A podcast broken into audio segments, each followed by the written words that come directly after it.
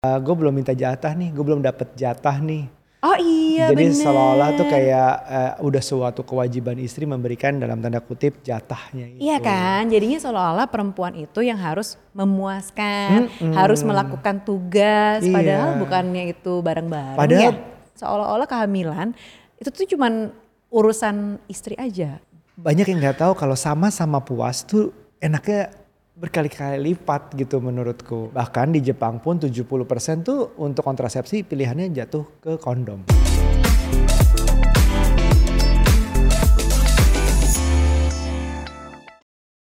Halo parents, kembali lagi di podcast Curhat Babu, curhatnya Bapak dan Ibu. Yeay, ketemu lagi di sini. Jangan lupa sebelum mau ngomongin apa, dengerin apa, jangan lupa untuk like, subscribe dan juga Komentar. share dan komentar. Yes, jangan lupa boleh. subscribe dulu ya pasti. Oke? Kita Iya. mau ngomongin apa episode kali ini? Aku lagi ngikutin suatu, udah lama sih ngikutin ya, tapi ada season 4-nya ini. Ada suatu sebuah film. Hmm. series, ah, sebuah series sebenarnya dia namanya Sex Education di Netflix. Aha. Adegan itu dia nunjukin lucu banget bahwa uh, ceweknya kirim foto nude, Hmm. uh, cowoknya diem bukan karena dia nggak mau ngirim balik, tapi kayak udah foto tapi dia nggak pede. Hasil hasil fotonya nggak sesuai sama yang dia Oh, harapkan. kirim-kiriman foto. kirim-kiriman foto iya Nut. nah uh, itu itu aku jadi mikir ada beberapa juga yang bilang bahwa em, ada juga yang suka seks dalam keadaan gelap karena nggak pede sama badannya sendiri. Jadi ternyata pede badannya sendiri itu mempengaruhi gimana kita seks dan gimana kita membicarakan seks. Eh, benar juga, benar benar benar. benar. Jadi ini aku nggak tahu sih ya, eh, eh, ini common terjadi atau gimana? Tapi sepertinya pembahasan soal seks antar pasangan gitu ya, eh, pasangan suami istri ya yang sudah sah tuh kayak nggak pernah atau bahkan minim dilakukan. jadi kita ngomongin seks nih Eh iya ya kita Oh, ngomongin iya, seks ya. iya, nggak apa-apa, apa-apa, biar- biar- Iya, biar iya, terbuka Iya sekarang. tapi tapi iya nggak sih, maksudnya kayak kita sendiri mungkin juga eh, ya jarang. Tapi kita ngebahas lah ya dikit-dikit gitu. Tapi kayaknya di pasangan lain kalau aku ngobrol nih Iya. misalnya nanya teman-temanku atau mungkin eh, dari komen-komen di parent talk gitu Iya, ya. benar. Itu kayaknya pembahasan soal seks tuh nggak segitunya dibahas. Iya, salah Seks itu sesuatu yang suka dilakukan tapi nggak pernah dibahas gitu. Mungkin mungkin ada beberapa hal. Tadi satu mungkin sama ketidakpedean sama badannya sendiri Ya. atau ketidakpedean sama performance-nya bisa Hmm. jadi. Tapi juga bisa jadi mengakar dari yang dulu kita waktu kecil diajarinnya tentang seks seperti apa. Tapi emang kayak malu, tabu, iya, nggak pernah diomongin kayak segan kan? gitu loh. Nggak pernah diomongin Uh-uh. kan? Tiba-tiba karena sesuatu yang tabu begitu dilakuin, lakuin aja enak nih. Tapi nggak pernah kayak education di balik itu gimana sih? Yang bener tuh gimana sih? Kayak Iya. nggak ada gitu ya nggak sih? Bener bener bener bener kayak misalnya aku tuh sukanya gini gini gini itu tuh kayak jarang deh atau kayak apalagi misalnya menanyakan balik gitu ya ke pasangan misalnya kamu tuh sukanya kalau aku ngapain sih pada Benar. saat seks misalnya gitu atau eh, eh, kamu gimana sih rasanya? Nggak pernah jadi sesuatu yang dibahas gitu ya nggak ya? Iya, mungkin bahkan ada beberapa cerita di Parent Talk juga yang kayak eh, nggak tahu misalnya orgasme itu apa, padahal sudah lama menikah, itu hal-hal seperti itu. Jadi, jadi akibatnya karena nggak mau bahas atau nggak berani bahas, malu bahas apa pun itu, jadi lack of educationnya tuh ada gitu, nggak pernah tahu mana yang benar, nggak pernah pengen tahu mempelajari baiknya gimana sih, yang sehat gimana sih, yang nggak sehat gimana sih. Yang enak gimana sih, yang biar lebih enak lagi gimana sih kan juga nggak tahu kan. Bener, jadi itu memang sepertinya karena kurang atau minimnya eh, edukasi soal seks gitu ya. Seks tuh jangan dibayangkan cuman hubungan seksualnya doang, mungkin secara biologisnya juga kita Iya. perlu tahu. Dari dulu kita kayak malu-malu ya ngebahas hal itu gitu. Iya. Padahal kalau udah nikah ya sebenarnya kalau dibahas nggak apa-apa dong.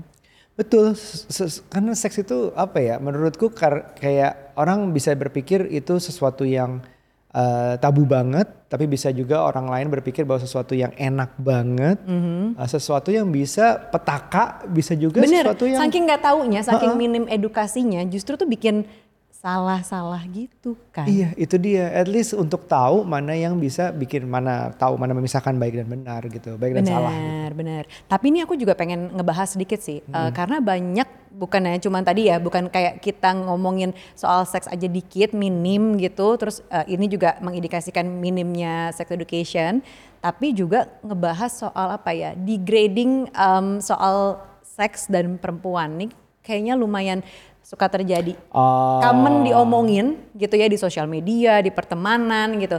Misalnya gini deh, kayak kata-kata em, misalnya pada saat ini nih uh, konteksnya adalah seksual ya hubungan seksual suami dan istri. Okay. Misalnya pertama nih kayak uh, baju dinas gitu, ya nggak sih uh, uh, istri menyiapkan baju dinas nih buat Iya, bertugas iya, iya, gitu iya, kan. iya, iya, iya. Atau misalnya uh, gue habis dipakai nih sama laki gue gitu. Iya. Terus Tapi kalau misalnya abis- kalau ngomong kayak gitu berarti perempuan sendiri dong yang ngomong. kadang-kadang Iya, gitu, kadang-kadang iya, gitu iya, ya? iya. Oh, Justru iya, maksudnya oke, oke, oke. ini nih antara perempuan dan juga seksual gitu. Kadang-kadang kita sendiri suka degrading atau menurunkan Diri sendiri.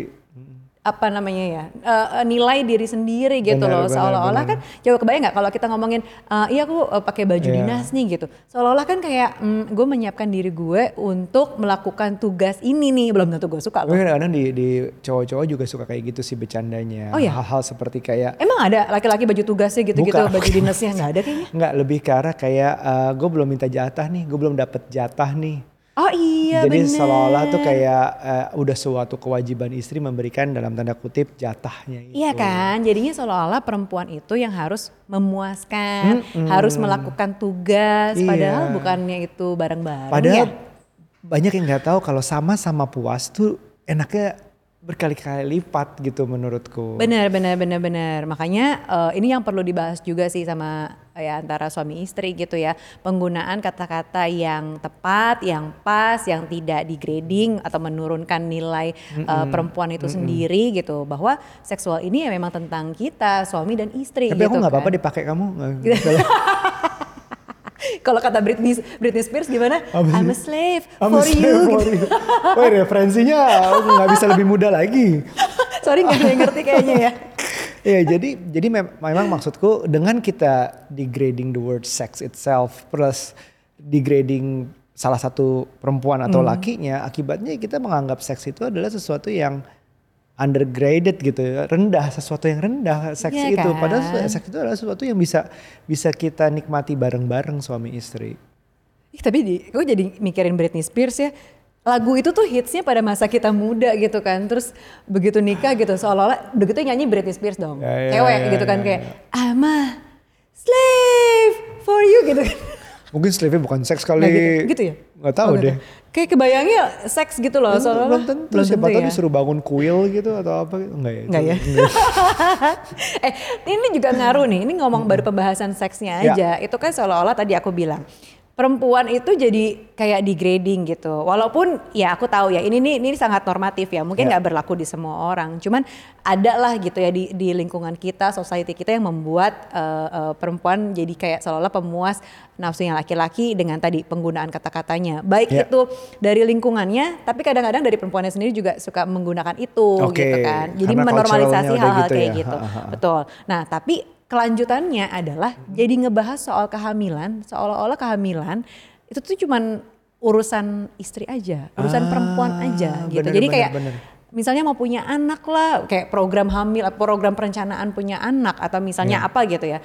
Itu tuh kayak seolah-olah perempuan doang gitu. Padahal urusannya siapa sih nih? Iya, padahal punya anak itu nanti yang menikmati atau dalam tanda kutip kena challenge-nya juga semua ya pasangannya suami istri, Mhm. yang biayain juga suami istri, yang susahnya juga suami istri, bukan tugas perempuan doang kan. Kita semua udah tahu mungkin parent talk, uh, parent di sini udah yang nonton juga udah paham udah selama ini ngeliat konten kita juga. Mhm. Tapi ya kalau kita pikir-pikir lagi, bahkan kalau kita ngo- ngomongin tentang punya anak atau kehamilan itu untuk bahkan untuk kita membatasinya pun Mhm. itu banyakkan caranya di perempuan. Bener. Kenapa tuh? Iya. Perempuan ada apa aja coba? Banyak banget deh. Iya ya, kenapa ya? Pil, spiral, apalagi? Macam-macam. Macem-macem, Jadi kayaknya kenapa salah. kontrasepsi itu seolah-olah cuman urusan perempuan, laki-laki tahu beres gitu. Iya, laki-laki tuh yang aku tahu ya, cuma ya secara organik, Hmm. if you know what I mean, uh, atau buang di luar uh, atau juga Hmm. adalah uh, pakai kondom dan juga vasektomi. Kenyamanan berdua adalah segalanya. Cari yang nyaman biar lebih intim sama pasangan. Okamoto, kondom nomor satu di Jepang. Super tipis, sensitif, dan kuat. Bikin kamu dan pasangan makin dekat. Berdasarkan data BKKBN itu angkanya tuh masih rendah-rendah banget. Coba deh kamu cek. Menurut data Sistem Informasi Keluarga BKKBN tahun 2022, jumlah kepesertaan pria dalam melakukan keluarga berencana yaitu dengan kondom sebesar 2,2 persen dan vasektomi sebesar 0,25 persen. Nah, sedikit sekali gitu. Artinya ya urusan kontrasepsi itu sebenarnya seolah-olah laki-laki itu nggak uh -uh. mau ikutan udah karena nggak tahu udah caranya apa, lebih dikit uh -uh. yang ngelakuin dikit banget gitu bener padahal urusan kontrasepsi itu kan sebenarnya bukan cuma urusan perempuan doang bener, gitu ya bener rasanya tuh kalau misalnya kita dari awal aja udah malah membicarakan hal hmm. seperti seks berlanjut ke kontras kehamilan berlanjut ke kontrasepsi itu akan lebih susah lagi dilakukan karena memang membicarakannya aja nggak ada hmm. gitu. Dan untuk melakukan itu juga pasti mikirnya ya udah perempuan aja dulu deh kan banyak caranya kan Bener. lebih nggak sakit kali alasannya untuk laki-laki atau malas ah atau atau apalagi lah yang lain lah Ya iya, sih? kayak misalnya nih kita waktu kita lagi program hamil semangat banget tuh, hmm. kayak seolah-olah uh, yaudah deh nggak usah pakai kontrasepsi apa pun gitu kan, berharap supaya hamil gitu. Begitu udah anak dua, kita tuh kayak jadi menjaga supaya nggak hamil, tapi untungnya sih tapi kita bahas berdua ya. Hmm. Walaupun gue pengen lagi nambah gitu ya, anak lucu kali ya, tapi kan aku masih mikirin kamu gitu. Kamu yeah. kamu belum mau lagi punya anak belum gitu. siap teman-teman. Uh -uh, soalnya kan kalau misalnya aku yang ngatur doang aku sendiri yang ngatur aku akan jebak dia pasti gitu kan. Iya. Padahal padahal di luar sana kebanyakan yang bapaknya yang mau ya, ya banyak kan perempuan yang terjebak mau, gitu ya. perempuan yang aduh aku mau capek hamil lagi gitu. Ini enggak nih manik mau loh. Nah makanya perlu atur berdua dong ya sama hmm. pasangan nih hmm. biar kita tuh punya plan yang lebih baik berkeluarga ya kan? Bukan cuma soal punya punya anak tapi juga misalnya ada yang menunda punya anak ataupun yeah. mungkin kayak kamu nih nggak mau nambah lagi anak ya kan? Belum mau. Oh belum. Never say never. Belum mau. Saat Nanti aku ini. jebak kamu. Gimana coba caranya? Jebaknya di seks berarti. terus, terus, terus, nah, terus. kebanyakan orang tuh pilih kontrasepsi yang kayak hormonal gitu, yang sebenarnya suka berdampak ke oh, tubuh. Oh iya iya iya. Terutama tubuhnya istri. Kenapa sih nggak tubuh laki-laki? Belum ada yang berbau yes, hormonal. Belum ada kan? Sih. Coba let me cek nggak ada kayaknya. Setahu gue ya baunya ya laki itu cuma tiga itu. Bener-bener. Aku tuh vasektomi itu orang pada takut malah. Karena bener, dianggapnya berbahaya. Bener. Yang aku suka lihat adalah uh, ini kontrasepsi yang uh, bikin tubuh perempuan tuh biasanya lebih gemuk gitu. Satu. Marah-marah. Kedua nggak tahu deh kalau itu aku. Oh tahu ya? Cuman berjerawat iya. Ada okay. yang jadinya misalnya gue nggak cocok nih misalnya gitu kan, gue malah jadi jerawatan oh. kayak gitu. Terus misalnya apalagi ya, ada yang kalau nggak salah nih menstruasinya jadi lebih terlambat, kayak gitu gitulah, oh, atau mungkin okay. lebih maju, atau justru kayak misalnya durasi uh, menstruasinya lebih pendek. Pokoknya ada hal-hal hormonal lah yang berhubungan sama tubuh perempuan gitu. Oh. Yang nggak enak tuh di perempuan tahu dengan perubahan-perubahan di tubuh tuh ya kita kita ini yang suka. Jadi gimana dong? Kita harus apa? ya karena memang pilihannya perempuan itu misalnya ngaruh ke hormonal ya kita bisa lakukan laki-laki karena laki-laki terbatas salah satu cara yang bagi aku hmm. paling make sense adalah menggunakan kondom. Hmm, benar. Benar. Iya gak sih menggunakan kondom yang dianggapnya uh, orang tuh pasti beranggapan bahwa itu tuh kan kayak ya nggak nyaman atau iya pada bilang nggak enak nggak enak, enak gitu kan ah beda sensasinya gitu kan ah, nggak tahu aja kali cara bikin enaknya gitu. karena nggak dibicarain tadi benar ah, benar ah, benar benar benar karena nggak dibicarain tadi karena kita menormalisasi untuk nganggap seks tuh sesuatu yang tabu gitu kan? Benar, benar. Nah, kondom tuh jadi alat alternatif yang bagus untuk alat kontrasepsi menurut gue. Jadi bisa kalau kita tahu cara makainya dan milih kondom yang mana, menurutku itu suatu uh, apa ya, suatu kenikmatan tersendiri gitu. Banyak loh sekarang modelnya. Oh ya, apa aja? Ada yang tipis banget, hmm. ada yang tipis banget sampai kayak nggak kerasa pakai. Ada yang bermotif kalau mau ada rasa yang berbeda. Cie. Cie. Pernah kan ya. Iya, karena keadaannya sekarang tuh menganggap kondom itu walaupun kita bilang adalah alat kontrasepsi pilihan, tapi banyak yang banyak image negatif tentang kondom itu sendiri. Mm, benar, benar. Seperti nggak nyaman. Mm. Nah, mengurangi kenikmatan seolah-olah gitu yeah. dan bikin nggak sensitif. Mm -hmm. Nah itu itu itu tuh pengaruh tuh image negatif yang ada di masyarakat sekarang. Cilah masyarakat. Tapi kenapa harus pakai juga itu cuma termasuk image negatifnya. Kan udah nikah buat iya apa kita pakai argumen bener, gitu. Bener, bener, bener. Tapi justru itu karena kita memilih untuk uh, kontrasepsi. memilih untuk misalnya masih menjaga kehamilan ah, misalnya menjaga jarak misalnya dari anak pertama ke anak kedua Iya, atau anak atau kedua salah- ke anak tiga gitu ya atau salah satu pasangan belum siap Bener. atau masih ada kebutuhan lain atau Bener. macam-macam alasan kontrasepsi itu masih buat pasangan masing-masing itu bisa beda-beda dan kita bukan di sini untuk bilang mana yang benar mana yang Ya, salah tapi, masih valid ya. Jadi menggunakan kondom sebagai kontrasepsi itu sebenarnya sesuatu hal yang masih valid. bahkan di Jepang pun 70% tuh untuk kontrasepsi pilihannya jatuh ke kondom eh teman-temanku pernah ngomongin nih ada kondom yang super tipis tapi kuat namanya Okamoto Oh. Nah dia nggak bocor dan tetap sensitif sehingga tetap ngejaga kedekatan kita dengan pasangan. Nah, manfaat lainnya juga yaitu menghindari kehamilan yang tidak direncanakan, ya Terus, kan? terus? Kayak kita tadi tuh, kita belum berencana nih soalnya. Benar. Dan juga mencegah penyebaran penyakit seksual menular. Nah, ini nih, ya kan? Bahkan kalau nggak salah sempat ada datanya juga deh tuh Apa tuh? soal itulah Iya, penyakit soalnya kalau- menular yang ada di dalam eh, apa ya hubungan suami istri gitu ya. Asalnya dari luar gitu ya. Betul, asal dari Eh, luar. Itu kayaknya kalau hati-hati udah jatuh ketiban tangga tuh kalau sampai ketularan. Bener. Nah, tapi anyway, ini bakal kita bahas mungkin di episode lainnya ya. Ya siap. Nah, kalau dari sisi aku, misalnya kamu udah aware nih sebagai oke. bapak-bapak, sebagai suami kan, misalnya udah aware dengan pilihan kontrasepsi, walaupun tadi ya pilihan kontrasepsi kalau buat laki-laki nggak sebanyak perempuan gitu, tapi ini sebenarnya sesuatu yang bisa disepakati. Bener. Nah, manfaatnya apa gitu ya? Pertama, kalau buat aku, aku senang kalau pasangan tuh udah bisa mengerti gitu bahwa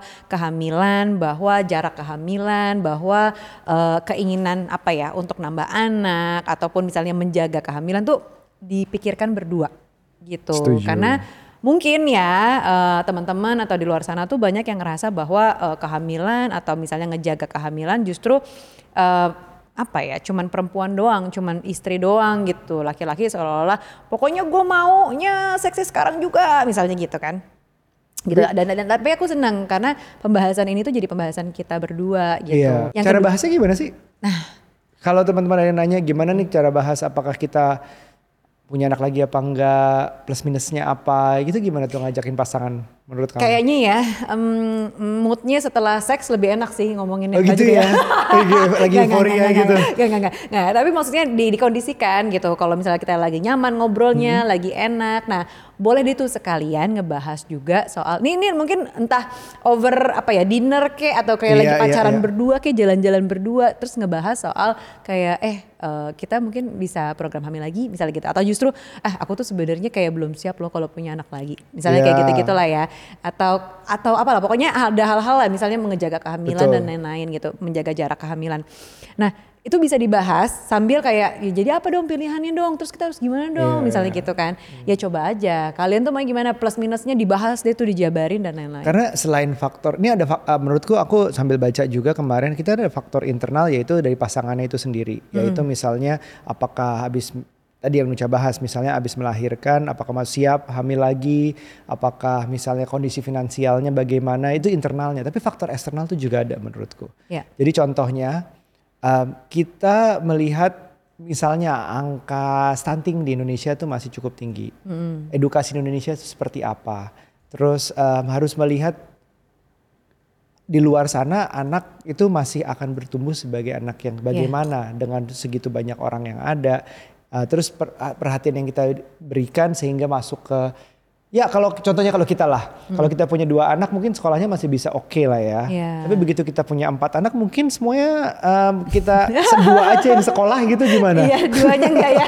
Duanya ya mudah-mudahan anak ketiga keempat nanti kembar ya biar sekolahnya satu aja. Iya, bener. Contohnya seperti itu karena pilihan sekolah lah, pilihan kerjaan nanti, gimana kita bersaing, itu mungkin faktor eksternal juga harus dipikirkan gitu loh. Karena dampaknya satu keluarga punya anak itu juga pengaruh ke banyak orang sebenarnya. Benar, benar. Kalau kondisi yang internal yang lebih ke domestik kayak suami istri, tadi selain kamu bilang soal em, pertimbangan finansial, Iya. tapi pertimbangan ini deh kesehatan juga. Kesehatan bukan Iya. fisik ibunya doang ya. Betul. Kesehatan mentalnya juga kan kadang ada ibu-ibu yang sebenarnya belum siap nambah anak Benar, lagi gitu. benar. Dia masih mungkin ya baby blues, mungkin ya ada postpartum depression atau apa pun.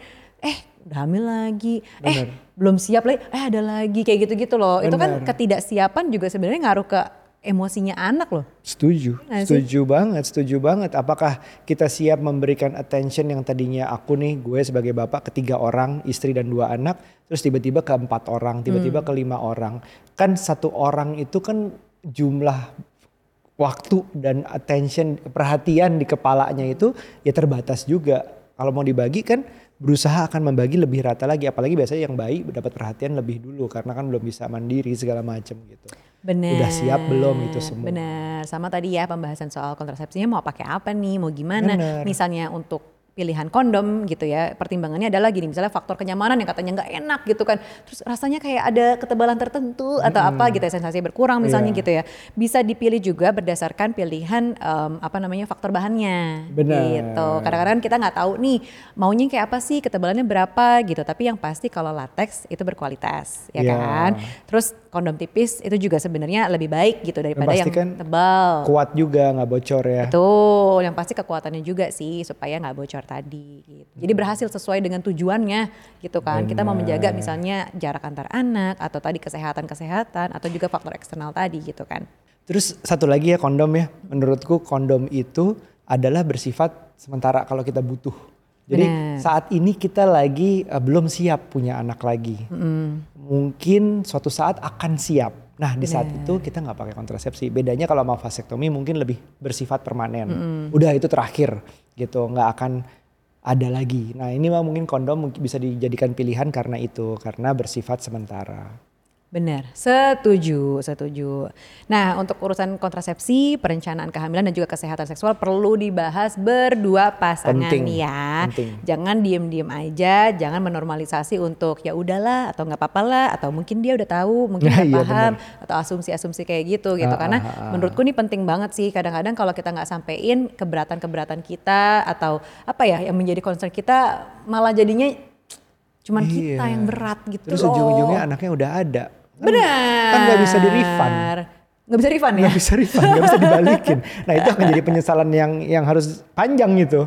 Benar, Gitu. benar, benar. Intinya eh, mungkin dalam berhubungan seksual gitu ya, yang dipikirin tuh bukan cuman enaknya aja gitu Betul. ya, tapi tuh selalu datang dengan konsekuensi gitu. Kalau misalnya kita rasanya kurang bertanggung jawab gitu ya dalam melakukan seksual yang kita pikirin cuman enaknya aja, konsekuensinya misalnya gitu ya, misalnya tanpa kontrasepsi jadinya ya bisa hamil Iya. gitu kan. Kalau udah Sementara siap ya mungkin apa-apa ya gitu. kalau kita siap baik nggak apa-apa banget. Ah, ah. Tapi kalau misalnya kondisi yang belum siap kan jadinya Iya betul gimana gimana banget, gitu betul. kan. Jadi terus belum lagi risiko-risiko lainnya. Risiko misalnya nggak tahu ada risiko kehamilan atau misalnya Penyakit. sampai ya risiko penyakit atau misalnya risiko bahkan kematian dan lain-lain gitu kan. Banyaklah pertimbangannya. Jadi ya itulah. Jadi jangan gimana? Cuman, jangan cuman perempuan aja ya, jangan cuman istri aja yang Betul. mikirin, ya Jadi kan? gimana? Tambah lagi nggak? Nggak usah ya. Eh, nanti aku akan jebak pada waktu yang tepat. Maksudnya gimana sih aku diikat gitu? jadi kamu yang ngebayanginnya jadi kamu yang kamu yang Kasian banget. kasihan aduh Um, curhat babu episode yang um, agak terbuka ini. Hmm. Kita udahi sampai di sini. Mudah-mudahan berguna buat teman-teman di sini. Kita senang banget kalau misalnya episode yang berguna ini disebarkan ke pasangan kalian, teman kalian yang siapa tahu menemukan gunanya juga. Jangan lupa di like, comment, and subscribe dan di share tentunya. yes sampai ketemu lagi di episode selanjutnya bye Bye.